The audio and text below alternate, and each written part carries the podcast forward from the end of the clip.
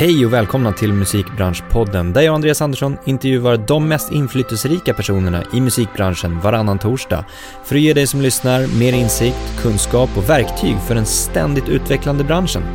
I dagens avsnitt träffar jag Sven Karlsson och Jonas Lejonhuvud, båda journalister på Dagens Industri och aktuella med boken Spotify inifrån. En karaktärs och händelsedriven bok med utgångspunkt i människorna som byggde bolaget Spotify. Vi pratar om allt från hur boken kom till, till hur utmaningen under processen med skrivandet har varit och till tankar kring hur Spotify, musikbolagen och branschen ser ut idag, men också i framtiden. Häng med när vi dyker djupare. Sven Karlsson och Jonas Lejonhuvud, varmt välkommen till Musikbranschpodden. Tack. Hur mår ni? Bra. Ja, det är soul. Det är härligt i Stockholm just Ja, nu. ganska ja. varmt här inne. ja, det är väl det enda problemet med att podda en sån här dag. Att eh, man vill hellre vara ute och bada. Ja men exakt. Ehm, alla kanske inte känner igen era namn. Det är kanske inget som klingar sådär musikbransch eh, direkt för så många. Nej, så, så är det nog. Sven är ju DJ ibland. Okej, Ja, jag- Vad är ditt en, artistnamn? eh, Hundra Sven. Ja. 100 Sven. Det Och kanske det, är det tror fler jag som inte känner igen. klingar överhuvudtaget. Men, hans, men din flickvän är nog eh, mer bekant för folk. Ja. Jenny eh. Ja, precis. Ja. Ja. DJ hon med. Mm. Jag är mindre känd i musikbranschen än du i alla fall. Men kan ni inte dra en liten kort sådär, Vil, vad, gör ni för någonting? Var kommer ni ifrån? Vi är journalister. Eh, vi jobbar båda på Dagens Industri och bevakar eh, techsektorn. Så vi skriver om, framförallt om affärer, men eh, också en hel del om musik har det visat sig. Och eh, ihop så har vi skrivit boken Spotify inifrån eh, under, ja vad blir det, våren 2018 till våren 2019, något sånt där. Mm. Och sen har vi Digitalpodden, alltså det heter D-digital det vi gör. Och, och då skriver vi om alla möjliga techbolag. Och det största techbolaget av dem alla är ju Spotify. Det är det, vi- därför vi blev en bok om dem. Mm.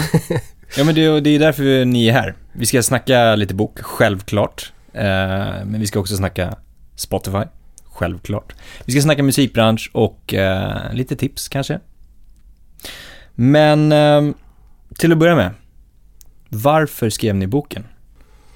Ja, eh, du kanske vill svara på det här Sven? Nej, men det var lite opportunistiskt skulle jag säga. Alltså, ehm, Jonas hade varit med sedan Spotify startade. Eh, gjorde en tidig intervju med Martin Lorentzon till exempel i Dagens Nyheter för goda tio år sedan.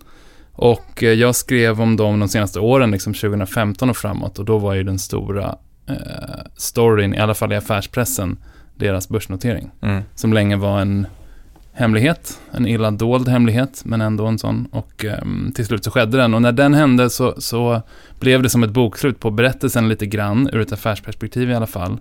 Um, och så började folk också höra av sig. Alltså Spotify har ju varit ett ganska så slutet bolag. Uh, de har inte kommunicerat så jätteöppet. Uh, de har hållit saker för sig själva. De har pysslat med en mängder olika saker som är liksom mer eller mindre kontroversiella ibland och sådär. Så de har haft uh, ganska goda skäl att inte berätta om allting så öppet. Men, men när den här noteringen skedde då så började vi båda höra ifrån personer som kanske tidigare inte hade velat prata så mycket. Eh, De kontaktade er alltså? ja, i några fall. Okej. Och det luckrades upp lite grann. Och då kände vi båda, eller så här var det egentligen. Jag kände, nu finns det en bok här. Och så eh, hade ju du egentligen gått med den här tanken i, i flera år om att skriva om det här. Vi hade ju kanske snackat lite om det också med varandra kanske något år innan.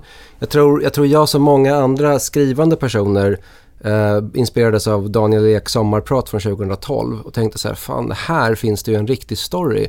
Och sen nu när Spotify noteras och de är värda lika mycket som H&M och man tänker så här, vilka stora bolag har skapats i, den här, eh, i det här landet sedan andra världskriget? Ikea, H&M och Spotify i den här 200 miljarder kronors klassen så inser man alltså att den, det bockar in ganska många rutor. Det, rutor. det är en spännande historia, det är en, en bransch i förändring, teknisk förändring, massa förändringar. Eh, det, är- det är liksom Sveriges nya storbolag. Eh, och av sommarpratet så anade man ju att det finns ju rätt mycket spännande historier där. Eh, Daniel bjuder på berättelser om någon trummis som slår sönder en skivmanagers eh, eh, kontor och är arg och så här. Och man tänker så här, gud det måste finnas mycket här. Och vi anade väl lite grann vad man skulle kunna hitta. Och vi anade också att det fanns en Spotify vs Apple-grej eh, som där man kunde lära sig lite grann mer om. Eh, att eh, lilla Spotify mot stora Apple och hur man liksom ändrade eh, tekniken för musikdistribution. Så att eh, alla, alla ingredienser fanns där och eh, det, var, det var enda problemet var att vi visste att de skulle tacka nej om vi frågade grundarna om en intervju. Så att, eh, men vi, vi, hade ju, vi gjorde ett specialavsnitt av Digitalpodden kring noteringen och, ehm, och så började vi snacka och till slut så, så blev det liksom så att vi eh, kände att men vi satsar tillsammans och så pitchade vi idén på eh, Norstedts och Albert Bonniers förlag och eh, Abbe Bonnier, förläggaren på, som, vi, som vår förläggare på Albert Bonniers förlag var ganska han var ganska snabb med att tacka ja till det här faktiskt. Och vad han sa? Han sa, dig känner jag sedan tidigare, syftar på Jonas. Och du verkar ju smart på alla sätt. Eller något sånt. Du, han sa, det känner jag sedan tidigare, du verkar begåvad. Vad, vad behöver ni för att göra det här grabbar? Och då ville han liksom att vi skulle nämna vårt pris. Och det hade vi var helt oförberedda på att det skulle gå så fort. Men, men eh, han tackade jag nästan på studs. Det var några dagar eh, tills vi hade ett kontrakt därifrån. Han, så, han har ju gjort ganska så stora böcker om stora svenska samtidsfenomen. Mm. Zlatan-boken till exempel är den största fjädern i hans hatt. Precis, och han såg väl att det här var ett sånt. Och det var en jävla tur för Mm. oss. Mm. Kommer ni ihåg eh, tillfället som ni sa så här, nej men vi kör?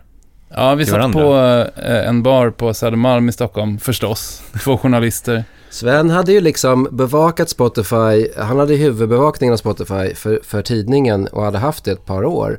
Så att eh, han hade också bokat in ett möte med Norstedt så jag tror inte att du var helt säker på att du ville göra den här med mig. Du tänkte jag kanske kan göra den här boken själv. Men eh, sen bokade jag eh, Abbe och så snackade vi en del och till slut så övertalade jag dig. Och då när du sa ja, då, då, tog, då, tog, då beställde jag en champagne från baren där på, vad hette stället där vi var? Paradiso. Paradiso ja, vid eh, mittemot eh, eh, Södermalmsskolan som vi båda har gått på fast många år mellan. Och sen så då beställde jag in så här eh, kava och så tog jag en, en, en selfie när vi skålade idag. Så här, nu, nu har du lovat att det, det, vi på det tillsammans liksom. Eh, men, Och nu sitter vi här idag, fortfarande vänner. ja, faktiskt. Ja, precis. Det, det är slitsamt att skriva en bok ihop. Mm, jag Eh, kan men, tänka mig det. Men vi har faktiskt, vi har inte haft några riktiga blowouts. Man blir, kan bli ganska irriterad på varandra uh, emellanåt. Vi har haft högläsning och suttit ute på en skärgårdsö och skrivit i så här, eh, 14 timmar om dagen och, och liksom verkligen Eh, intervjuat 70 källor ungefär eh, för att få ihop det här och det har tagit tid. Eh, det har varit ett maraton, det har varit eh, kul men otroligt krävande också.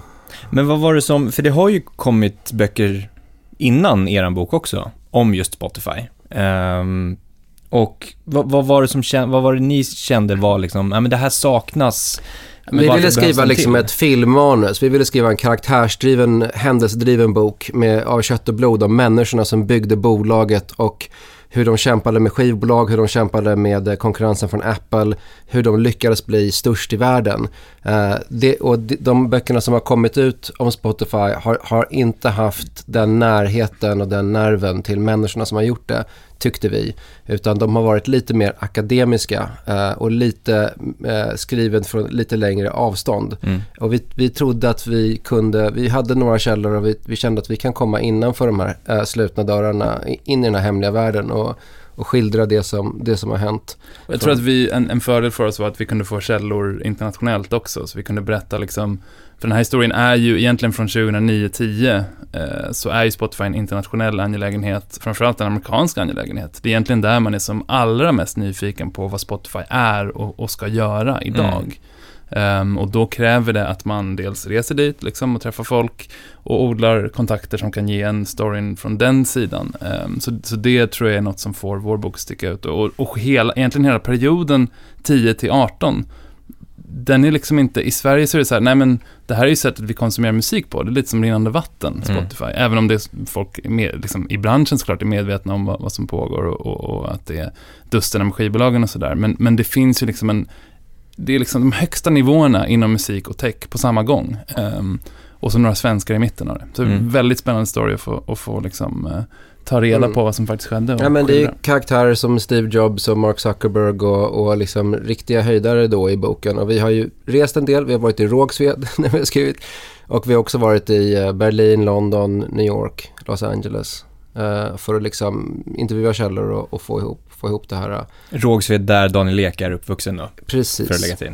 Ja, nej men vad, eftersom ni inte kommer från liksom, musikbranschen på så sätt, vad har varit fördelarna, tycker ni, just från, från ert håll när ni skrev den här boken? Att inte vara insyltad, om vi kallar det för det. Fördelen? Ja, det är en bra fråga. Alltså. Till att börja med kanske man kan säga till, till lyssnarna att uh, vi har ju den ingången att vi har skrivit om ett techbolag och vi har skrivit ganska mycket om uh, hur de har fått ihop pengarna. Så att det är mm. liksom tech, det är finans och sen är det musik. Men Spotify är ju liksom en distributör av musik. De kanske inte har det DNA att de, att de riktigt kommer från musikvärlden. Jag tror ett bolag som Soundcloud gör det mer än Spotify. Uh, så att musik har ju, alltså musikbranschen har ju varit deras motpart som de har förhandlat med för att distribuera uh, det de har sålt. Så det, vi är ju inne och trampar runt i musikbranschen men jag tror inte att vi tänkte på Spotifys historia som en, stor, en historia om musikbranschen. Vi har ju mycket, vi har ju också hur Beats byggs upp av mm. Jimmy Iovine eh, till exempel med lite svenskar ombord. Och det är ju musikbranschens eh, streamingtjänst som sen blir Apple Music och så vidare som någon slags pandang till Spotify. Men Spotify i grunden ett, eh, ett gäng tekniknördar inte ett musikbolag egentligen. Eller vad skulle du säga? Vad, vad, vad är det liksom vi har skrivit om? Ja men absolut, så är det ju. Sen finns det ju eh, liksom bitar i historien som är... Eh, det, det, har varit helt avgörande att Spotify har lyckats få med sig skivbolagen. Mm. Eh, och hur har det då skett? Jo, ganska ofta pengar eh, inser man ju till slut. Eh, vi har ju då avslöjat en del detaljer om hur, hur de kom in i USA med hjälp av då Sony Universal framförallt, där de har liksom sidoavtal med dem. Eh, där Spotify helt enkelt tvingas lägga sig på ganska många punkter för att få komma in. Och sen, alltså, det, det, eh, det har varit superintressant att lära sig om musikbranschen och eh, också intressant att höra liksom betraktelser av den. Eh, dels liksom saker som är, man undrar om det liksom kan ha varit eh, olagligt. Det är inte vi de rätta personerna att svara på, men liksom, ja men vänskapskorruption liksom och sådana saker. Och sen eh, att den här betraktelsen som en av de kanske kunnigaste som jag intervjuade, som tyvärr är anonym, men, men den personen sa, um, musikbranschen har bara spelat målvakt hela. They've just been playing goalie all this time. What, what do you call it? Forward? But, ja, precis. Forward. Yeah, nobody's been playing forward. Alltså att eh, man liksom inte har vågat vara offensiv, anser då den här personen som är en insider själv. Mm. Um, att man, man, har varit lite för defensiv sedan, ja, millennieskiftet då kan man väl säga. I, I takt med att distributionen har förändrats. Tror du, kan det ha att göra med att man är rädd för ytterligare en, en, en liksom dipp i musikbranschen som just 99-2000 var med Napster och hela den Självklart. biten. Att man är inte riktigt säker på, vänta det här är någonting nytt och vet, vet inte riktigt vart det ska ta sig någonstans. Och det är ju så, alltså Spotifys affärsmodell bygger ju på att ge gratis åtkomst till musiken. Mm. Det är jättekontroversiellt och det gynnar ju, den modellen gynnar ju framförallt Spotifys tillväxt. Man kan ju fråga sig eh, vad artisterna får, vad låtskrivarna får, vad skivbolagen själva får. Så det, alltså Eh, deras skepsis har ju, har ju verkligen haft, eh, det, det, har funnits liksom goda skäl till den hela tiden. Ja, om man, om man sammanfattar Spotifys resa så är det att de har haft en, en app som har varit gratis. Det glömmer vi bort i Sverige idag för att de flesta har premium. Mm. Men Spotify är gratis livet ut, du, inte bara i tre månader utan du kan ta den här appen och bara köra gratis hela tiden. De har vuxit med det genom att eh, det, tröskeln är låg att börja använda Spotify. Det kostar inga pengar och man kanske börjar när man är ung och sen så betalar man när man börjar tjäna lite pengar. Eh, så har den spritt sig över hela världen och då, då har många skivbolag och artister tyckt att så här, de växer på vår bekostnad. Eh, och Spotify säger så här, men ni får förskott och vi betalar för det här. Eh, och vi kommer att rädda branschen i slutändan och återföra tillväxten in i branschen. Uh, well, det visste man ju inte. I många år så, så var det inte så tydligt att det skulle kunna bli så. Men 2014-15 där någonstans så märker man att men det, det stämde liksom. Nu, streaming var branschens räddning i någon bemärkelse. Sen finns det massor med andra grejer som Spotify kritiseras av och, och och eh, som arti där artister tycker att de inte får tillräckligt bra betalt och en del av det är med i boken och en del inte. Liksom. Den, eh, den snårigheten är ju eh, ämne nog för en, liksom en, en, en bok bara i sig. Mm. Eh, relationen eh, mellan artister, skivbolag och Spotify. Sen kan jag tänka också att, alltså man pratar ofta, och vi, vi faller säkert i den fällan ibland också, att man pratar ofta som musikbranschen som en motpart för Spotify, som liksom en, en förhandlingspart som de måste övertala eh, för att få med sig. Men på många sätt har ju musikbranschen format Spotify också. Alltså, Daniel Eks tanke var att, eh, och Martin Lorentzons för den delen, men, men idéerna kom liksom i huvudsak från, från Daniel Ek då, ehm, den yngre av de två grundarna. Och hans tanke var en gratistjänst i linje med Napster, eh, men som monetariserade musiken, som liksom skapade intäkter på något vis. Eh, annonser då, var, var det sättet som de ville göra det på. Och skälet till att det blev en betaltjänst överhuvudtaget hade ju väldigt mycket med skivbolagen att göra.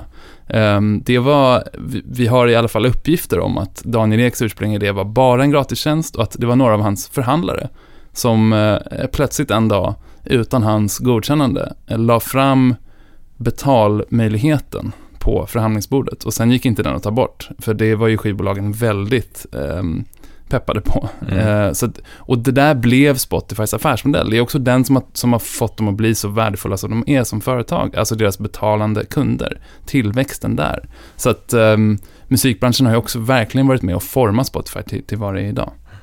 Kommer det, vara, kommer det finnas någon, bara vi spekulerar, kommer det finnas någon brytpunkt när det verkligen går över till, alltså från de betalande till att de faktiskt kommer tjäna pengar? Eller kommer man fortsätta att vilja växa och hur länge kommer man då vilja liksom växa? Är det tills man har tagit över alla marknader och, och är störst på alla marknader? Jag, ty jag tycker man, man ska tänka på Spotify som ett lönsamt bolag redan idag. För att eh, det som gör att de blir olönsamma det är liksom delvis den geografiska expansionen, så är det alltid. Men också att de, att de har köpt poddbolag i år för Eh, 3,6 miljarder kronor ungefär. Hade de inte gjort det så hade de varit lönsamma i år. De var lönsamma i slutet av förra året, fjärde kvartalet. Då, då. Eh, så att redan nu är de, är de lönsamma i, i, i grunden, men inte jätte. och man kan undra om ett bolag som Spotify som, som tävlar mot Apple och Amazon och Tencent och liksom Google och de största techjättarna i världen på musikområdet. Eh, om, om det finns en framtid där de kan eh, trappa ner på innovationstakten, det här som kostar pengar. Eh, och bara liksom eh, vara en distributör av musik. För det de gör i grunden, alltså en jättestor databas med massa låtar eh, och lite playlists och algoritmiska playlists och sånt där. Det, eh, det, är ju, det blir ju allt mer en commodity, lite som att vrida på kranen och ut kommer vatten. Det där kan finnas lite var som helst. Man behöver inte vara en gigant, man kan vara en liten spelare som Tidal och ändå ha en ganska okej okay streamingtjänst. Liksom. Uh, så det är väl en sån här fråga som aktieanalytiker mm. ställer sig. Liksom. Men precis, du, du som nämnde Tidal där, att man, man kan vara en, en lönsam streamingtjänst for now, men just for now. Uh, vad händer då om tre år, fem år? För det känns som att när man läser boken så förstår man ju hur mycket som har hänt egentligen. Alltså teknikutvecklingen. Och det är Apple, alltså allt som har skapats här. Om man då tittar framåt så behöver ju då teknikbolagen känns det ju som att ligga ännu mer framkant och ännu mer framkant. Att kommer man någonsin komma då till att nöja sig, inom citationstecken, för att bli lönsamma?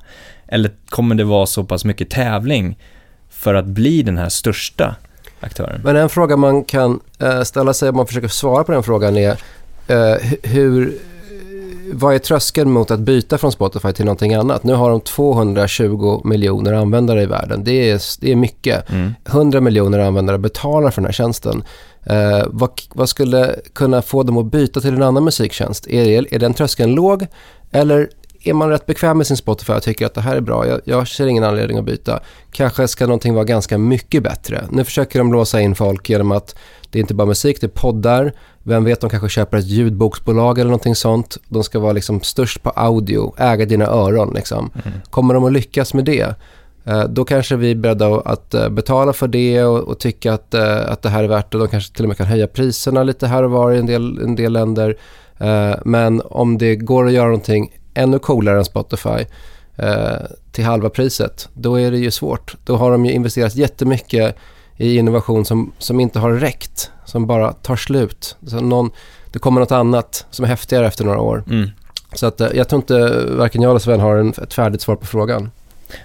Nej men precis, och, och, jag tänker bara på den här utvecklingen som ni nämner i boken också, Spotify TV till exempel, eller TV. Eh, det var tänkt att det skulle bli andra former av media också. Eh, men att det sker så snabba skiften, ett, ett beslut säger nej men vi, vi struntar i det för att det fungerar inte. Jag tänker på att det kanske sker sådana framöver också. Bara spekulationer, jag säger inte att ni behöver ha ett svar på det, men, men på samma sätt så skulle man ju kunna säga att ingenting vi ser idag, att någon aktör går in och säger att vi ska göra det här eller ta över det här. Mm. Men jag tänker, har det varit, har det funnits några nackdelar med att ni inte har liksom en, en musikbakgrund också? Har det, har det funnits några hinder för er, eller några trösklar att ta sig över som har, skulle kunna ha varit lättare eh, i arbetet med boken om ni hade varit insatta ännu mer i, i musikbranschen? Jag tror att, för att återgå till fördelen bara en sekund, Ja. så tror jag att det, eh, alltså fördelen var väl att vi inte var helt eh, insnöade på alla olika faser av olika sorters licenser och begränsningar som Spotify har haft. Eh, och nackdelen var densamma. Mm. Alltså att det var en djungel för oss att förstå. Och den är förstås eh, relativt förenklad i boken, även om vi har försökt vara så pass korrekta som vi kan. Jag minns när vi satt ute på Skärgårdsön så, så borrade du nere i eh, ett av de få licensavtal som faktiskt har läckt. Eh, och det var nog bara fortfarande en sammanfattning av det. Men även det tog ju några timmar för oss att, att verkligen försöka bena ut och se vad det gällde. Det var Sonys avtal från 2011 när Spotify skulle in i, i USA. Så att eh, det där är förstås en nackdel. Samtidigt så jag Alltså vad jag skulle vilja lä- liksom, haft för kunskaper är ju att musikjuridik och, och de där bitarna, det är ju det snårigaste, svåraste. När vi har liksom hittat några av de här hemliga kontrakten som har gjort att man kunnat eh, lansera i USA. Alltså den kort, korta versionen av den storyn är att 2009-10 så kommer inte Spotify in i USA. Och det visar sig eh, enligt våra källor då, då att Steve Jobs och Apple eh, motverkar Spotify genom sina eh, kontakter Eh, på Universal Music och eh, på, eh, på Sony Music framför allt. Och särskilt på Universal där, som har en väldigt nära relation till Apple och ha, har haft det under åren. Och det, Steve Jobs har snackat om att kanske köpa dem och, och Jimmy Iovine kanske får vara symbolen för det där. Ehm, men sen blev det ju liksom hemliga avtal och, och, och de skulle vi förstå och läsa och sen så förstå också bara hur generellt hur avtalen mellan Spotify-skivbolagen ser ut. Och kunna försöka besvara frågan vad får en artist eh, betalt för en stream och så här, eh, gör, gör, gör de rätt när de klagar eller vad, hur, och det är otroligt snårigt alltså. Eh, så det, det, det skulle man vilja förstå bättre. Eh, så att, och sen skiv, hela skivbusinessen då, eh, kunna förstå. Eh, liksom. Och sen så art, artistdelen av det här, hur de upplever det. Ja, men, återigen, det, blir, det är så stort. Så att jag tror ändå att man ska, om man ska skriva en bok om, om företaget Spotify så, så, så är det ändå ganska eh, vettigt att, att, att inte snöa in sig för mycket på de grejerna. Jag vet inte vad du har ju läst boken. Det vore intressant att höra vad du tyckte från ett musikbranschperspektiv. Eh, Du saknade säkert en del eh, aspekter eh, av hur musikbranschen fungerar i boken, eller vad tyckte du? Nej men absolut, jag, jag tyckte den var bra skriven, den var underhållande skriven också. Eh, och man får en, en bild som uppfattas som att det här är den bilden som faktiskt gäller. Eh, vilket måste ju bli ett bra betyg för, för, för er då. Att jag som läsare uppfattar det som att ja, men, det är så här det har gått till. Eh, samtidigt så visste ju jag om att ja, men det kommer ju från 70 stycken källor och, och eh, jag hade lite i åtanke sådär, ja, men vilka är de här såklart och vart kommer det ifrån och hur pass säkert är det att de här uppgifterna stämmer. Ehm, men eh, det var intressant från den aspekten att, precis som du säger, ni kommer från ett techperspektiv och tar den biten med att analysera värde, börsen, eh, aktieköp, avtalen mellan, alltså det, det blev ju nästan lite intriger eh, och man kände så att men det här kommer ju återkomma lite längre fram, samtalen med Apple, eller mm, diskussionerna kring hur Apple eh, påverkade eh, Universal i USA till exempel eller inte, eh, just som du nämnde när, när Spotify skulle komma in eh, i USA till exempel. Så det blev en, en, en liten story som man på något sätt eh, ville följa med i. Eh, samtidigt så vet ju jag om ganska mycket av vad som har hänt i Spotify, så det var också kul att dyka in i de delarna man hade mindre, eh, mindre aning om så att säga. Det finns ju några hjärtefrågor förstås för musikbranschen tror vi. Vi berör alla på, på något sätt. Det är ju liksom förstås då avtalen, eh, free versus paid, alltså Mm. att, att eh, gratissidan av Spotify alltid har varit kontroversiell. Eh, artister och låtskrivares ersättning kontroversiell fråga genom åren som återkommer flera gånger. Och sen är det väl kanske också då fake artist-diskussionen från 2017 Mm, här, där man liksom breddar sin, sitt utbud på Spotify och tar in eh, ja, icke, icke skivbolagsmusik skulle man väl kunna kalla det. Även om allt är på väg att, att förändras sådär ständigt. Men, men eh, allt det där är förstås med. Det är inte som att vi eh, liksom inte har, har haft de, de frågorna med oss. Men, men, men det är klart, det är ju liksom en story om ett bolagsbygge Mm. i första hand. Mm. Och sen man skulle kunna borra ner sig i en del frågor uh, mer, uh, men, men då blir boken kanske för smal. Jag skulle gärna haft lite fler liksom, artister och lite mer sådana saker i boken, men, men uh, ja, man, vi, vi har ju använt den information som vi har lyckats samla ihop och gjort en bok av det, så att det, man, man kan önska sig mycket, men, men det här är vad det blev.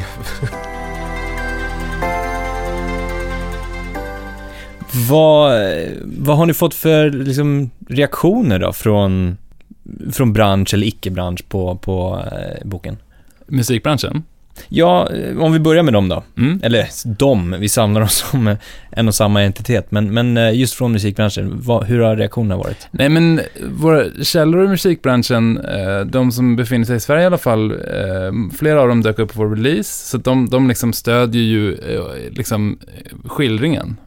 Efter att ha läst boken så dök de upp för att, för att träffa oss, helt enkelt. Så vi, vi, vi känner väl att det är liksom, jag tror inte att det är en jättekontroversiell bok ur musikbranschens perspektiv så, eller? Vad, vad är din Ja, bild? jag menar, ja, eh, Per Sundin som är on record i boken dök upp på, på vår bokrelease.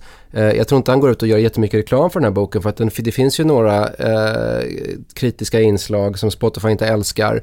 Eh, och jag tror inte att, att musikbranschen vill eh, liksom utmana Spotify. Man måste, men man, man, man måste jobba tillsammans med Spotify men man, man är tacksam för en sån här bok också som, som eh, eh, försöker skildra saker ur lite olika perspektiv och sådär.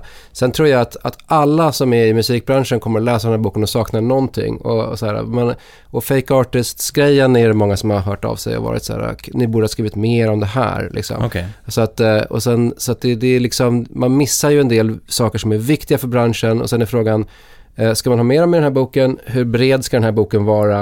Det är sådana frågor som vi alltid kommer att, att ställa oss och inte ha något svar på. Men vi har ju försökt skriva en bok som, som går att läsa även om man inte är i musikbranschen, techbranschen eller finansbranschen. Liksom. Det, det ska vara lite bredare Mm. än beståndsdelarna som den byggs av. Ja, apropå reaktioner då, så om man liksom breddar lite grann så hörde en annan källa av sig ehm, som jobbade på Spotify i många år och bidrog till delar av boken och, och sa att eh, han framförallt uppskattade hur brett eh, skriven den var. Att Mm. den, eh, det, det var en story som, kunde, som, som angår alla, anser han, och det är också därför han ställde upp på en intervju.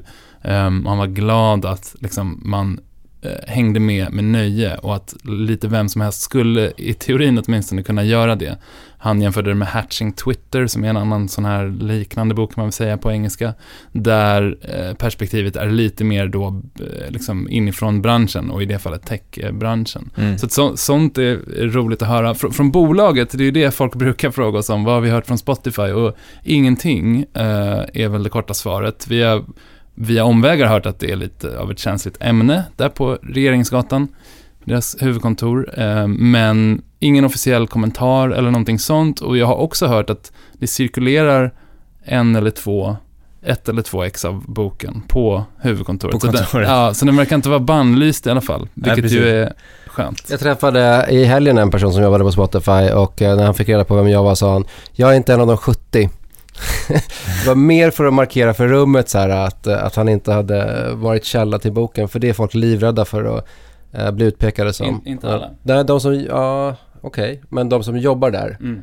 eh, de som har jobbat där är en helt annan inställning men de som jobbar där idag är ju nojiga över att någon ska tro att de har snackat med oss tror jag. Mm. Det är ju ofta ett kontraktsbrott på något vis. Alltså det, de är fortfarande förstås källskyddade i Sverige. eh, Men eh, det finns ju NDAs, alltså sekretessavtal och sånt där, som många tar hänsyn till och, och, och så. Och sen vissa som eh, pratar ändå. Mm. Men jag tycker inte att ni tar någon specifik sida heller i boken, utan ni lyfter ju faktiskt från era källor, från eh, intervjuer, alltså officiella intervjuer också som har gjorts, ska vi nämna. Det är inte bara indirekta källor som liksom vill, vill vara anonyma. Nej, vi har 25 personer ungefär on record i den här boken och de Exakt. nämns ganska tydligt i en källförteckning. Många av dem är karaktärer i boken också. Mm. Ja, men sen så berättar ni ju om saker och ting som är officiella också.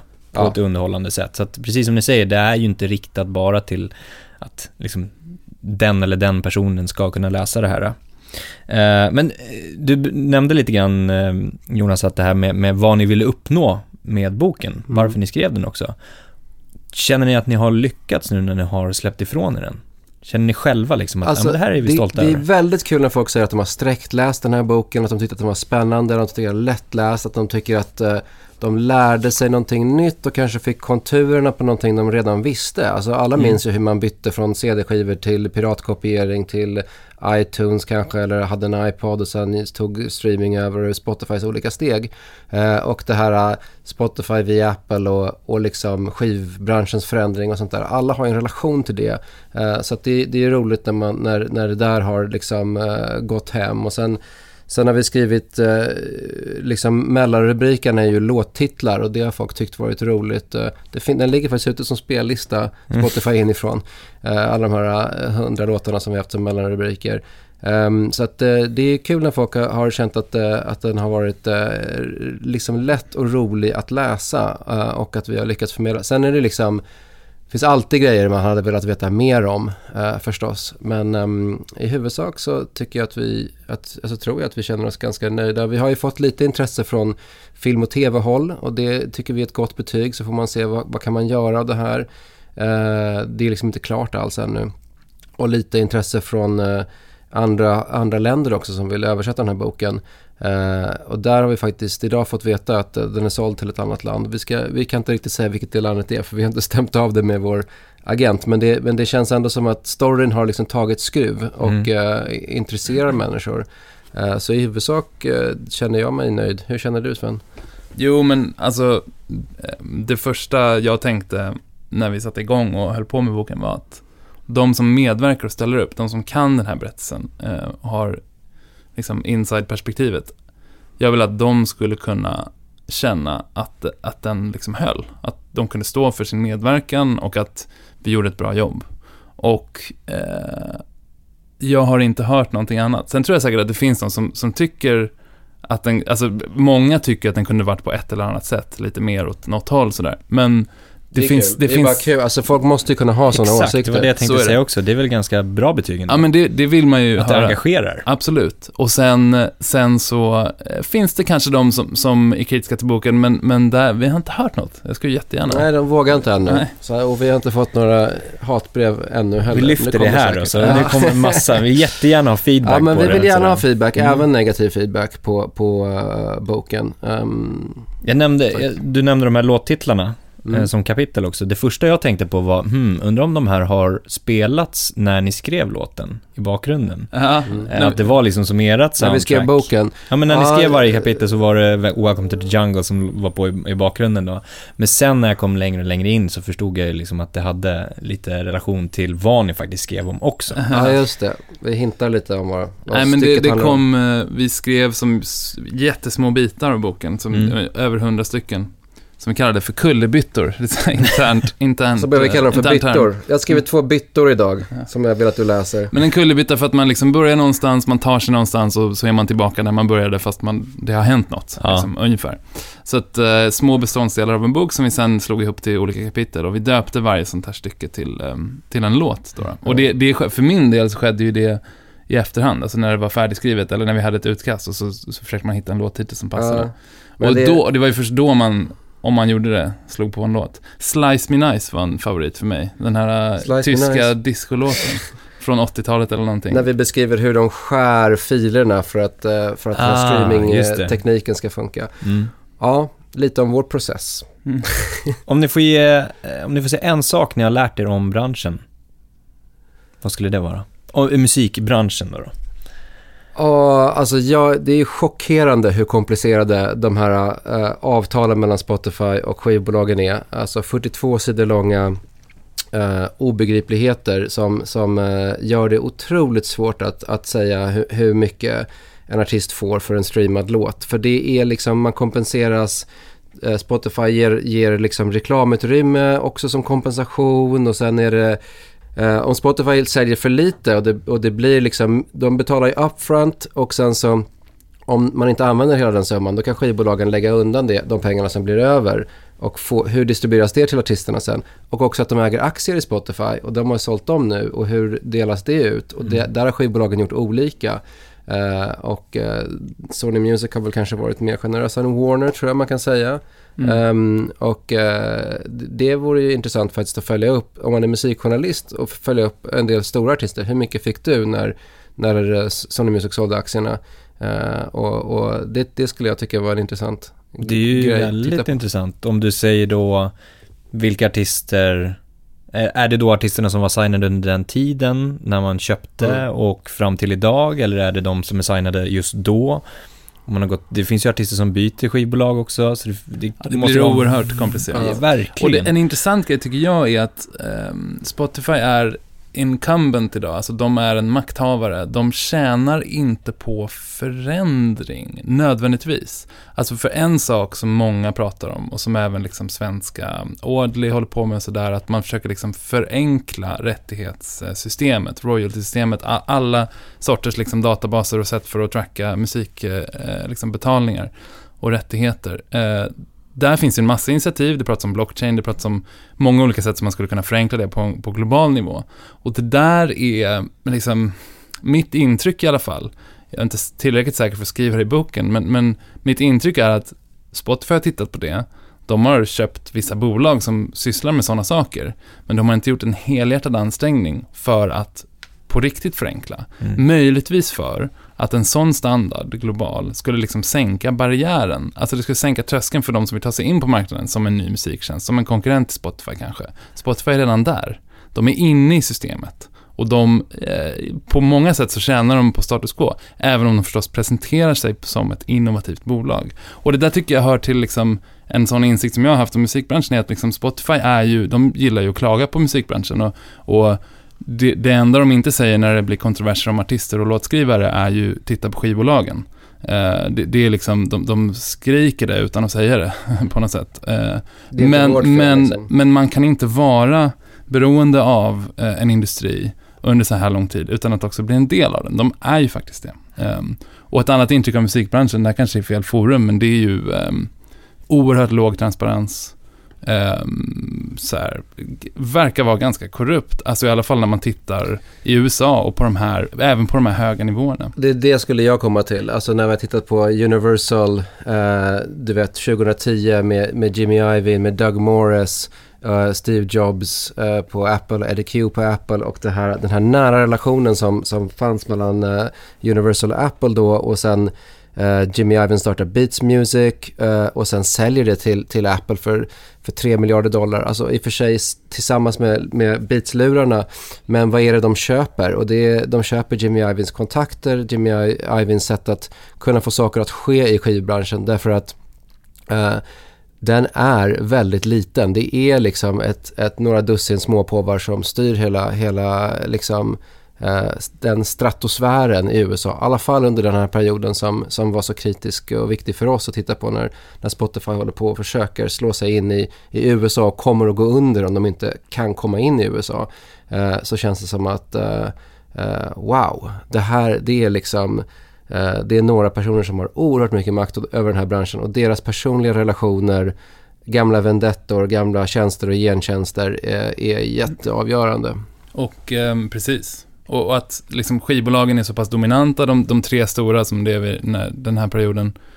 Eh, och de ska då inte veta vad, så mycket om, om eh, liksom respektive verksamhet. Det ska vara ganska täta skott mellan dem, men det sägs att det ständigt liksom är informella informationsflöden och sådär. Industry och, collusion som det kallas. Precis, ja. och sen att det, alltså, eh, vi har inte jättemycket avslöjanden om det i, i boken. En del då, då men, Nej, men det, det, finns det nog mer där. Vi, vi insåg till slut att en anledning till att så pass få ville prata om den här Universal Apple-situationen var inte nödvändigtvis, liksom, vi trodde kanske först att ja, men Steve Jobs har dött. Uh, han, han, finns inte med oss längre, han är en ikon för många. Liksom. Um, men, men, det var inte det, tror vi inte i alla fall, utan det var kanske snarare att det finns en väldigt rak parallell till eh, e-boksbranschen, där Apple går ihop med eh, leverantörer, fyra eller fem eh, bokförlag i USA, höjer priserna på e-böcker för att konkurrera med Amazon. Där man alltså då går till leverantörer och liksom kommer överens om någonting, konspirerar med, med de här leverantörerna för att höja prisen och försvåra för en annan distributör. Och det är ju ungefär exakt vad som pågick eh, kring Spotify också, även om det inte blev någonting av det. Men det där fälldes Apple i alla fall för, och till en jätteförlikning på hundratals miljoner kronor. Så jag tror att det är där skon klämmer lite grann. Brott mot konkurrenslagar alltså. Och, och vad Apple skulle velat göra under den här tiden, det är att de hade musiken de höll musiken gisslan i sitt ekosystem. Så du ska köpa en iPhone och inte en Android-telefon. Därför att på iPhone så får du musik iPod, iPhone, det som gällde då, då 2009-10 när Spotify skulle in där. De ville skydda den här USPen som de hade i musiken eh, och de ville inte att Spotify skulle komma in med sin plattformsneutrala musiktjänst eh, och sin streamingtjänst som gjorde att, eh, som skulle då man förstod, det här kommer ju krossa downloadbutiken som då var ungefär 80% av digital musikdistribution i USA. Så de hade ett nästan monopol på digital musikdistribution i Apple eh, och ville skydda det från, från Spotify. Och då gjorde man det genom att eh, använda tjänster och gentjänster i en liten krets. Liksom. Det är väl den bilden som, som boken målar upp. Vi, vi hade en eh, kollega från USA här i helgen som är på Brilliant Minds, den här stora konferensen i Stockholm och eh, hon har täckt musikbranschen länge, säkert 20 år nu. Och hon sa So, do you get the impression that the music industry is just a run by a bunch of corrupt mobsters? uh, och då sa vi, ja, lite så. Och så sa hon, ja, nej men så, det var hennes intryck också. Mm. Och det, det där är ju såklart hårdraget, men det, det är liksom, det är så, det är en, det är så snabbt går. Det, det var en stor insikt för mig i alla fall, vid slut, när vi var klara med boken. Det är lite det, vi jobbar med utbildning också på DMG Education och, och, mycket av det ni nämner det här med att vem som känner vem och hur man har tagit sig in i branschen från första början. Det har ju varit en bransch som har varit väldigt, väldigt låg tröskel att ta sig in i. Känner man rätt person, är man en social människa, kan prata för sig så har man oftast fått ett jobb och så kan man klättra internt eller byta mellan olika bolag och så vidare. Känner man rätt personer så kommer man klättra ganska snabbt också. Eh, och vi tror ju att, att med, i alla fall med utbildning, precis som ni är inne på också, men det här med, med musikjuridiken och grundläggande upphovsrätt, att man har koll på det. Har man koll redan från första början, både de som tar sig in i branschen men också att, att utbilda internt i musikbranschen, vad är det som gäller? För där, där märker ju vi att det finns en okunskap som är helt enorm att man förstår sig inte på egentligen avtalsstrukturer som man egentligen kanske borde om man jobbar på ett skivbolag eller förlag eller liknande. Så där är ju våran bidragande del i det hela, att just jobba med utbildning och det hela, för att på något sätt framöver eliminera det här med gentjänster och tjänster som gjordes för många år sedan och man känner rätt person och den här maffia-liknelsen eh, eh om, man, om man säger så.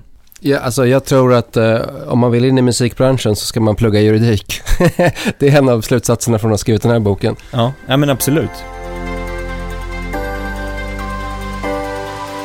Nu har vi pratat om Spotify ganska mycket, men vi ska gå ännu mer då. Vi ska spekulera lite tänkte jag. Uh, nu är ju inte Spotify här och kan svara, så att vi, vi, vi ehm, spekulerar lite fritt. Men det är de ju aldrig ändå. Finns det Eftersom ni båda har pratat med liksom, interna källor, eh, men också med liksom, publik, eh, alltså användare och, och, konsumenter, finns det någon vanlig missuppfattning som ni har liksom stött på kring just Spotifys affärsmodell?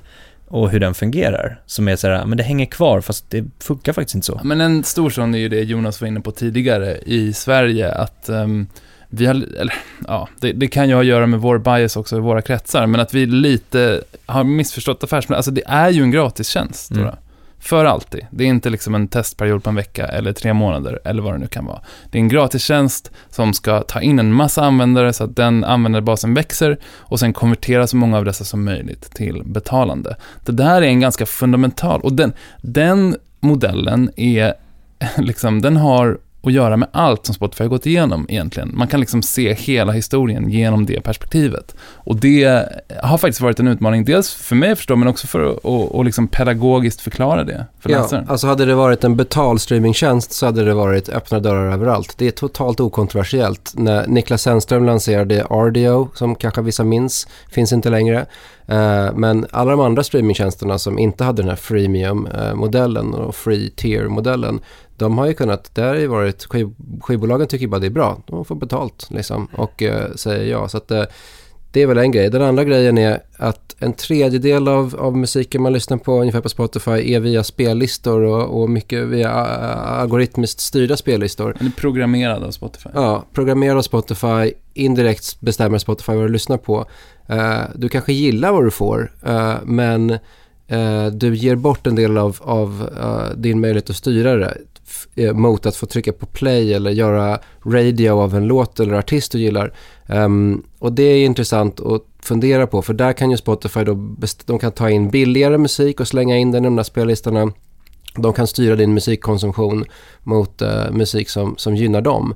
Uh, och det tror jag folk, när de tänker på sitt eget beteende så inser de att så, men det stämmer, det låter ju rimligt. Men de har nog inte tänkt på det, utan de tänker nog på Spotify fortfarande som bara en stor databas med en massa låtar i som man söker sig fram till. Fast de inte använder tjänsten på det sättet själva längre. Sen tror jag att en, en stor um, grej som, som uh, vissa missar är att uh, man ser Spotify som ett techbolag, liksom starkt varumärke, högt värderat, många anställda, tech, liksom många programmerare. Uh, men men eh, hur pass stor liksom, andelen av intäkterna är som går till eh, branschen, alltså till skivbolagen och förlagen och så vidare. Ehm, det är ju, som säkert lyssnarna här vet, men, men det har ju varit kring 83-84 procent tror jag låg under lång tid. Ehm, och sen lyckades de då eh, behålla en större andel eh, i sina nuvarande licens licensavtal som trädde i kraft 2017 och nu behåller de ungefär 75 procent ungefär av alla intäkter. Resten går ut till, till eh, de som äger rättigheterna. Ja, så när man ser Daniel Ek liksom eh, irriterad över att alla klagar på Spotify och tycker att han har räddat skivbranschen så, så eh, ur ett visst perspektiv så har han ju rätt. det ligger någonting i det. det, det den här modellen har ju faktiskt gynnat branschen. eh, och Ju mer de växer, desto mer får, eh, får branschen betalt. Mm. Ja, för det går ju att spekulera i vad hade hänt om, om Spotify inte hade funnits från första början. Hade vi haft streaming just då eller hade vi fortsatt med nedladdningar? Nej, vi hade definitivt gått över till streaming och det hade kanske inte skett lika snabbt bara. De, de, den här, att de har kunnat eh, expandera med hjälp av eh, en gratis app har gjort att det har gått fortare. Men det fanns ju streaming eh, långt innan, eh, även långt innan Apple lanserade iTunes Music Store fanns det streaming. Eh, och den, den tekniken är ju överlägsen. Men, eh, Press Play och Musicnet för rävarna som minns det tidiga 00-talet. Men Apple hade nog hållit kvar i sin dominans lite längre. Så småningom hade de också gått över till streaming. Men eh, liksom när man, när man, när man har 80% av marknaden och använder en viss typ av teknik, då har man inte så starka incitament att ändra det. Liksom. Det är väl kanske också därför de köpte Beats. De kunde ha byggt en streamingtjänst själva på Apple. De är ju liksom bäst i världen på sånt. Men eh, de köpte någonting som utvecklades utanför. För att de kunde liksom inte konkurrera med sig själva. Storbolag är dåliga på att konkurrera med sig själva. Om de har någon grej som de tjänar mycket pengar på så behåller de det. Generellt så har ju saker gått från eh, ägarskap till eh, tillgång, alltså att man ägde musiken förut, numera köper man tillgång till den. Det har ju skett inom flera andra branscher. Och eh, från hårddiskar till molnet. Liksom. Mm. Och de trenderna hade ju skett, det, det hade ju skett även utan Spotify. All mjukvara, software as a service, SaaS-bolag som man säger i den här eh, techbranschen som vi bevakar. Eh, så att molnet har ju tagit över liksom all, all teknik egentligen. Finns det något i Spotifys bild av sig själva som ni tycker inte riktigt överensstämmer med verkligheten? Ja men alltså, da, vi har ju skrivit lite i boken om Daniels egen origin story och, och, och där har vi hittat en del saker som vi inte kan säga stämmer riktigt. Han, han presenterar sig själv som en KTH dropout. Man ska ju vara en dropout i techsektorn. Uh, Mark Zuckerberg är en Harvard dropout, Bill Gates är en Harvard dropout. Uh, och, uh, men när vi ringer till KTH så har de inga papper på att han har blivit antagen till, till skolan. Så är det någonting jag hittat på för att, för att liksom försköna bilden eller ha något att prata om när någon journalist har slängt en, en mick i ansiktet på honom under de tidiga åren. Så måste han liksom stå fast vid den lögnen i alla år som kommer efter det. Kanske, men vi vet ju inte. Det kan ju också vara att han, att han kom in på någon reservlista och hade tappats bort på något sätt. Så att eh, eh det är ju sådana grejer som man känner att oh, om vi bara hade liksom fick ställa fem frågor till Daniel bara för klargöranden liksom. För att eh, har han hittat på det där så är det ju en, en, en längd som alla i världen kan förlåta honom för liksom. Mm. Det är ingen stor grej. Han har lyckats ändå. Och, det, och han, han, hans egen historia är att han gick där i några veckor eller någonting och det var inte hans grej. Men det kanske var liksom, man kanske bara, jag vet inte, det kanske inte stämmer helt. Och eh, den här röda sportbilen som man pratar om har vi inte hittat i bilregistret men det kan också stämma även om inte den har registrerats där. Den kan också försvinna. Så sådana saker eh, är lite svåra för oss att bekräfta. Sen tror jag att de som bolag är fortfarande ser sig som underdogs och att världen eh, är emot dem lite. Ehm, och det kan stämma. Alltså, så, så, är det väl till viss del, liksom klåfingriga journalister som jag och Jonas som, som eh, bankar på dörren och vill ha svar om saker och information.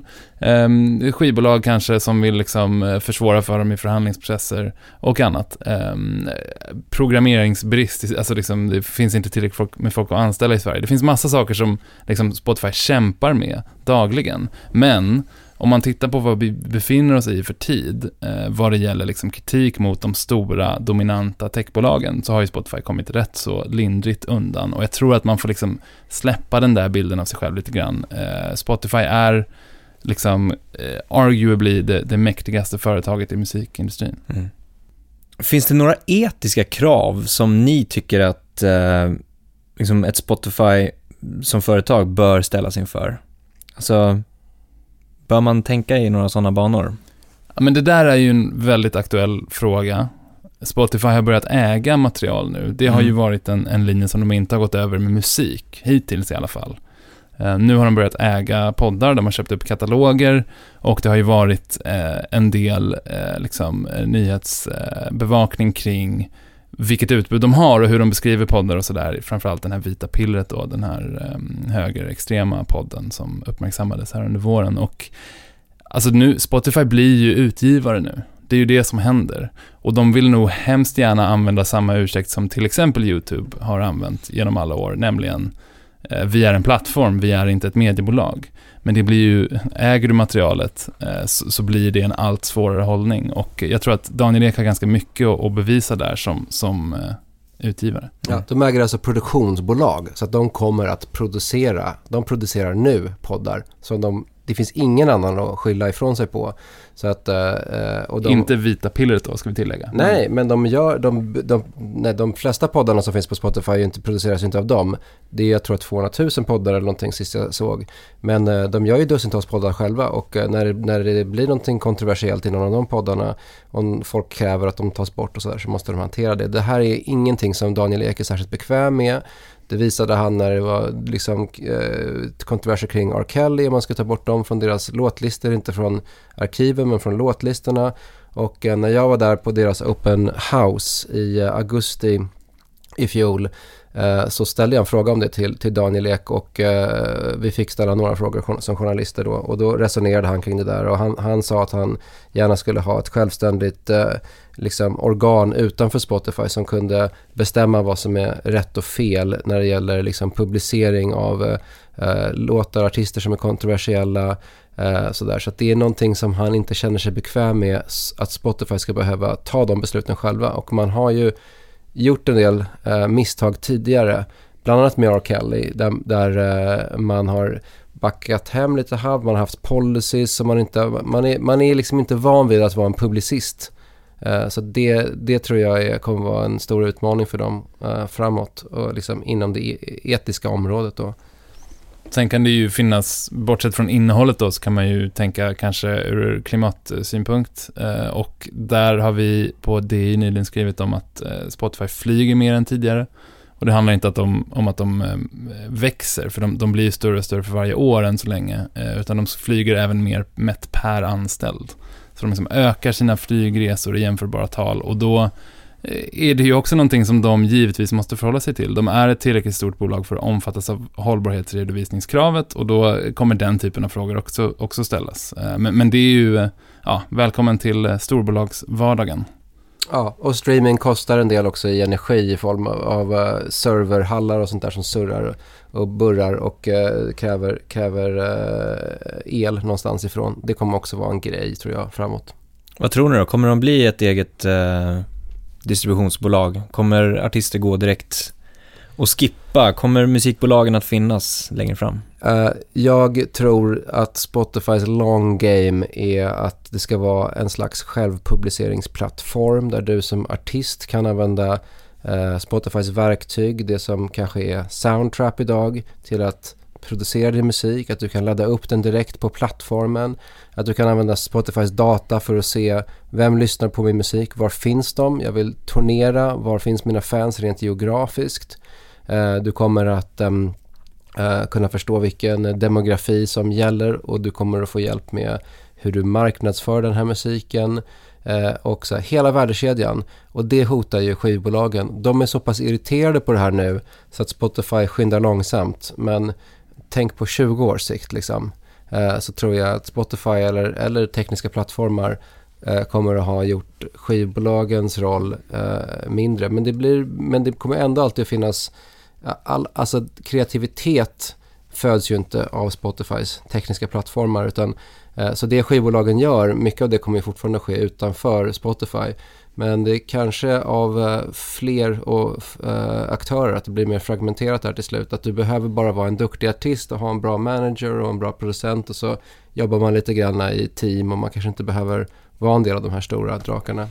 Vad tror du Sven? Nej, men jag tror det ligger mycket i det där. Eh, skivbolagens vara eller icke vara är en svår fråga. Alltså, jag, jag tror å ena sidan eh, så var ju Universal under vintern här och senaste månaderna ute för försäljning, eh, vad det verkade. Um, och då skulle halva bolaget gå uh, i en affär som värderade det till 40 miljarder dollar. Så ungefär dubbelt uh, vad Spotify är värt på New York-börsen.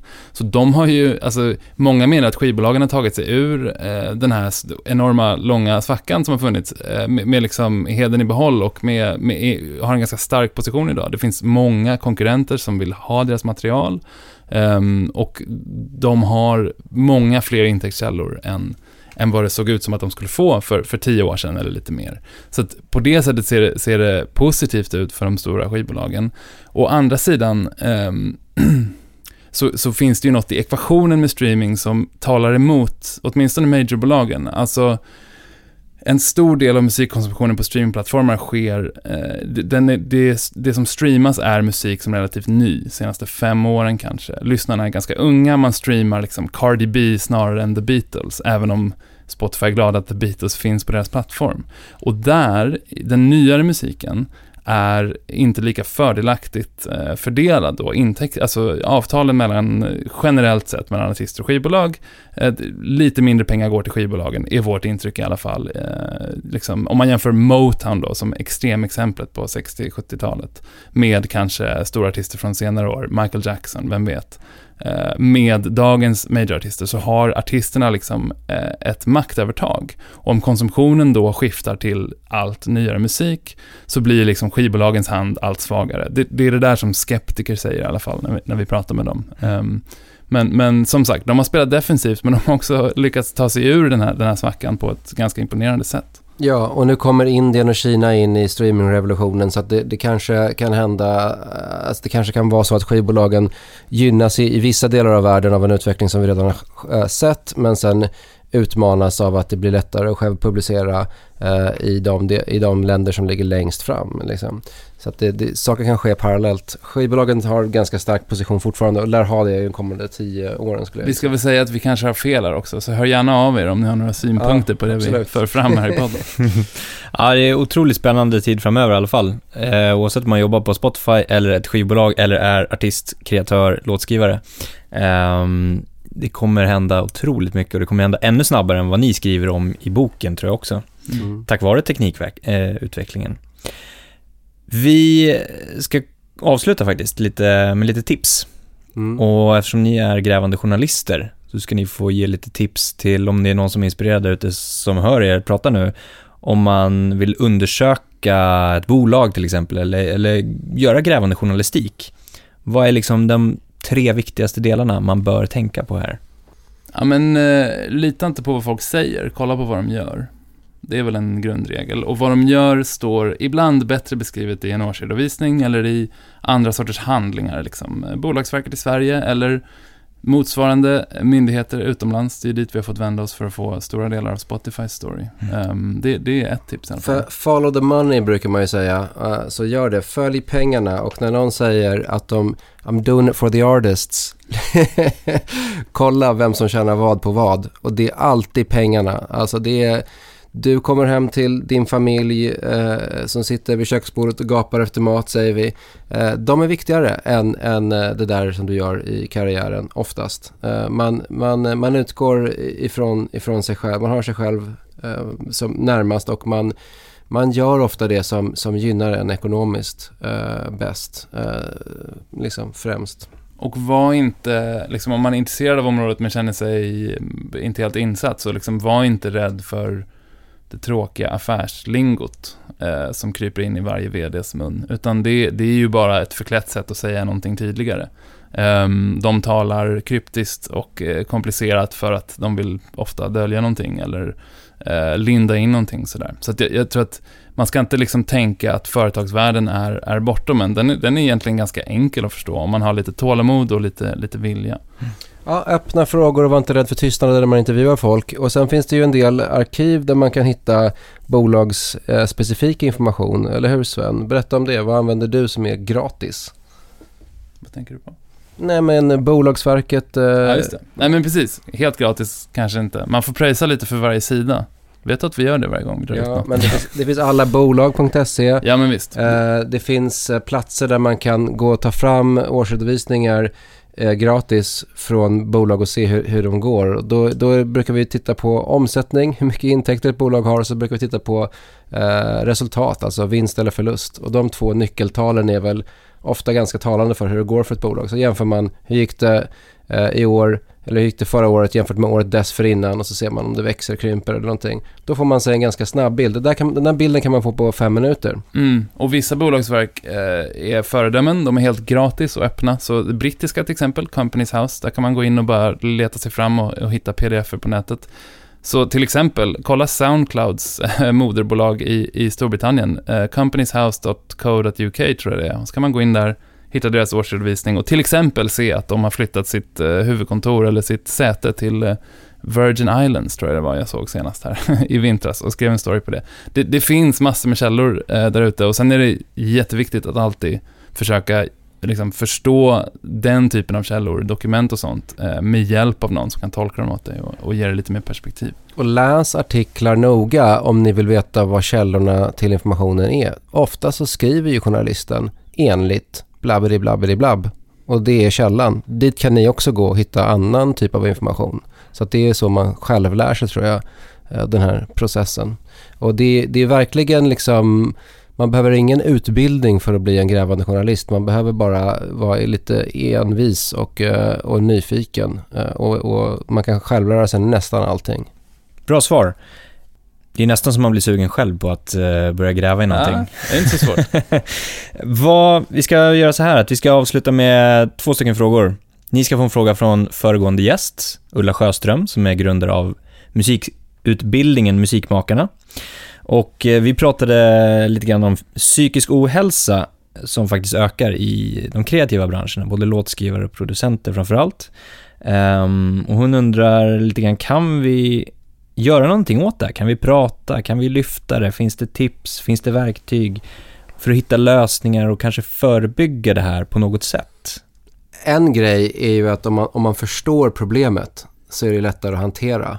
Och jag vet inte varför den psykiska ohälsan ökar i, i bland artister. Men jag kan gissa att det handlar om eh, Instagram och att alla, alla är sitt eget personliga varumärke och alla ska vara en influencer och sådär. Jag tror inte vi kommer ifrån det. Eh, jag tror att det kan vara jätteroligt att promota sin grej och, och verkligen styra över sin egen image och, och, gå ut i många kanaler. Men det tar tid och det är stressigt och det gör att det är väldigt svårt att skilja me mellan eh, privatpersonen och artisten. Eh, eh, och också eh, privatlivet och det professionella livet. Och eh, man kanske börjar tänka på vem man umgås med på fritiden, vem man syns med på olika krogar eller vem man liksom um, att man vill bli kompis med någon för att de har rätt kontakter och sånt där. Och så börjar man noja över någonting man sa i fyllan till någon, eh, någon som känner en producent eller sånt där. Eller någon som har många följare på Instagram och vill att de ska promota ens senaste grej på något vis. Eh, och så mår man dåligt av det där. Eh, det där är i alla fall någonting som jag kan känna igen mig med olika Eh, projekt i, inom media som är min bransch. Liksom. Även den här boken som vi vill ju liksom att folk ska gilla och lajka och dela och sånt. Och när de inte gör det så blir man ledsen och när de gör det så börjar man tänka sig, blev det rätt och landade det? Och det här kan, man, det här kan mala genom ens huvud på kvällarna. Uh, så att uh, man måste liksom ge sig själv lite breaks i det där. Alltså se till att bara lägga bort telefonen och göra andra saker. Uh, ta tillfällen av, av målmedvetet liksom koppla sig fri från, från, från koppla ner sig och göra andra saker, rensa hjärnan. Eh, om, man, om man inte tar de pauserna så blir man ju tokig i skallen liksom, i den här uh, världen vi lever i nu. Liksom. Jag har varit eh, utmattad, liksom, stresssymptom och sådär eh, på, på jobbet och varit sjukskriven på grund av det för, för ja, två år sedan ungefär. Och jag tror att det viktiga är att prata om det här. Eh, för mig var det viktigt att prata med någon, eh, liksom, eh, ett proffs, en terapeut, men också med min omgivning. För får man språket eh, så börjar man också förstå eh, signalerna. Och när man, när man har språket så kan man också eh, liksom intala sig själv vad, vad, det är som händer och även sin omgivning, så medarbetare eller vilka det nu kan vara. Och kan man liksom formulera att nej men det här är, nu, är jag, nu börjar jag känna mig väldigt stressad, nu är det liksom nu har jag utmattningssymptom här, det är någonting som jag måste verkligen återhämta mig. Då respekterar omgivningen det, då förstår omgivningen det också. Om man mm. liksom har kunskapen att kunna formulera vad, vad problemet är, så, så, blir det mycket synligare och det sprider medvetenhet. Så det har hjälpt mig eh, väldigt mycket. Kom ihåg, man, man jämför ofta sitt eget inre med andras yttre. Alla liksom har liksom bearbetar sina problem på olika sätt. Så att när jag kollar på Sven, då ser jag liksom en supercool så här, DJ Sven. Uh, han är liksom jäkligt lugn som en filbunke på redaktionen. Jag är den som är så här Woody Allen-nojar över boken och håller på och småpratar om det hela tiden. Liksom. Uh, men sen när du säger det du just sa så inser man så här, ja men du bearbetar det på något annat sätt liksom, än vad jag gör. Jag släpper ut det i små portioner och lite för mycket ibland och nojar och visar det öppet för min omgivning. Du kanske internaliserar saker mer liksom. Uh, alla måste hitta sitt sätt att, att hantera de här problemen eh, och försöka liksom observera, men hur funkar jag med det här? Vad är det jag behöver? Och sen hitta det receptet. Det är jättebra att ta hjälp, eh, men jag tror inte det finns en lösning eh, som funkar för alla. Men, men eh, liksom, titta på dina symptom och försök att vara ärlig med dig själv och förstå. Alla har, alla har sådana här problem. Alla nojar i sociala sammanhang alla funderar över vart, vart det är på väg här i livet. Det tar aldrig slut. Uh, det, det håller på. Jag är 44, det håller fortfarande på för mig i alla fall. Martin Lorentzon gör det fortfarande, Garanterat. Mm. Han är miljardär många gånger om. Jag tror också det kan en av anledningarna kan ha att göra det här med, med stressen hos en eh, kreatör, om det är låtskrivare, eller producent eller artist, att, att våga släppa någonting. När man släpper någonting där ute så är det officiellt. Och att i och med det så går det att mäta, lättare än någonsin nu, att sätta en siffra på det i antal streams, likes, eh, Bok, delningar. sålda. Mm. Exakt. En annan sån siffra. Mm. Och, och, att man då kopplar det till att det här måste ske, man jämför sig också säkert att ja, men, den här artisten släppte det här och streamade så många, då måste jag också streama så mycket. Och tänk om inte det sker, ja, men vad det, händer då? Absolut. Mätbarheten är ju, den har vi ju inte lärt oss att hantera än. Nej. Åtminstone inte jag. Nej, gud. Alltså vi levde in i vår värld. Vi, vi jobbar liksom tio månader med en bok. Sen skickas den iväg eh, till tryck. Och sen dröjer det liksom en månad innan den, innan, vi får, innan den kommer tillbaka och då händer det ju saker med till exempel Spotify i vårt fall då under tiden som man är så här, ah det där borde vi ha fått in i boken och det är jättesvårt, när man ser den i tryck så är det mer lättare att acceptera saker. Nu kan jag inte förändra den här boken för jag håller den i min hand. Men när det fortfarande, är nere hos tryckeriet, vi vet inte om den har börjat tryckas ännu. Det kanske går att göra en sista ändring. Så att eh, då nojar man över det och det kan jag tänka mig är likadant för folk som, som producerar musik. Och sen kommer den ut så får man siffrorna och så ser man så här, ah det går jättebra. Så ah, nu planar det ut, varför? Och så vill man ha svaret så finns det ingen som kan ge en svaret. Uh, så att uh, jag, tror, uh, jag tror vi har mycket gemensamt faktiskt med, med folk som producerar musik där ute just nu när vi sitter i den här situationen där där liksom det är så framsteg och sen planar det ut och sen går det bra igen och man, det, Ja, man måste ha en distans till det där. Jag tycker du har varit bättre på, på det. Jag kollar den där sajten varje dag. Hela tiden. Författarportalen.se ja. är vi inne på. Ja. Om vi ska avsluta med en fråga ni får ställa till nästa gäst. Vad skulle det vara? Ja, men eh, vi tänkte väl något om, eh, vi tycker det är ganska spännande hur musik, eh, liksom, hur, hur, man upptäcker musik idag och hur, hur kanske vi kommer göra det om, om 5-10 år. Framförallt för yngre lyssnare. Så, så liksom, Spaningen de... kanske ska börja med det här, att just nu så finns det en sajt som är, eller en app som heter TikTok som många kanske känner till, där man där man gör en liten lypssynkad eh, musikvideo eh, och till, till någon del av en låt Eh, och så lägger man ut och delar den och det är ett sätt att uttrycka sig till musik. Det är väldigt populärt bland 12-åringar eh, och eh, man, det blir olika trender och det sveper genom världen. Och det, det bolaget ägs av kinesiska ByteDance och de ska lansera en streamingtjänst ryktas det om. Och spaningen är då, kommer de att kunna slå Spotify genom att fånga 12, 13, 14-åringarna med TikTok och sen leda in dem i en, en streamingtjänst och då blir Spotify plötsligt som Facebook liksom något för gamla människor och ByteDance nya streamingtjänst blir det som unga människor vill använda. Kan det ske? Och varför har inte Spotify lyckats med eh, like, comment, share, alltså göra musik socialt, göra, någonting, göra musik till ett objekt som jag kan interagera med eh, och eh, dela med, eh, med vänner och uttrycka mig själv genom. Eh, så, så, så, frågan är då, vart är det hela på väg? Alltså vad, hur kommer folk att eh, hur kommer, samlas? Hur kommer tonåringar att eh, samlas kring musik om fem år? Eller om tio år? Något sånt. Härligt, vi får hoppas att gästen har svar på det så att vi kan liksom förutsäga vad som kommer hända med allt runt omkring. Eller? Ja, vi, vi kommer lyssna. Ja. Vi har höga förväntningar på den här hemliga gästen. Sven, Jonas, tack för trevligt samtal. Stort tack, det var väldigt kul att snacka. Verkligen. Vi har snackat för länge känns det Stort lycka till med boken också framöver. Tack så mycket. Tack så jättemycket för att du har lyssnat på podden. Det betyder otroligt mycket för oss. Hjälp oss gärna i vår vision om att sprida kunskap och inspiration i branschen genom att dela podden, tipsa kompisar, kollegor och dela i sociala medier. Kom ihåg, följ DMG Education i sociala medier för att hålla dig uppdaterad kring vad som händer. Ha en fortsatt härlig dag!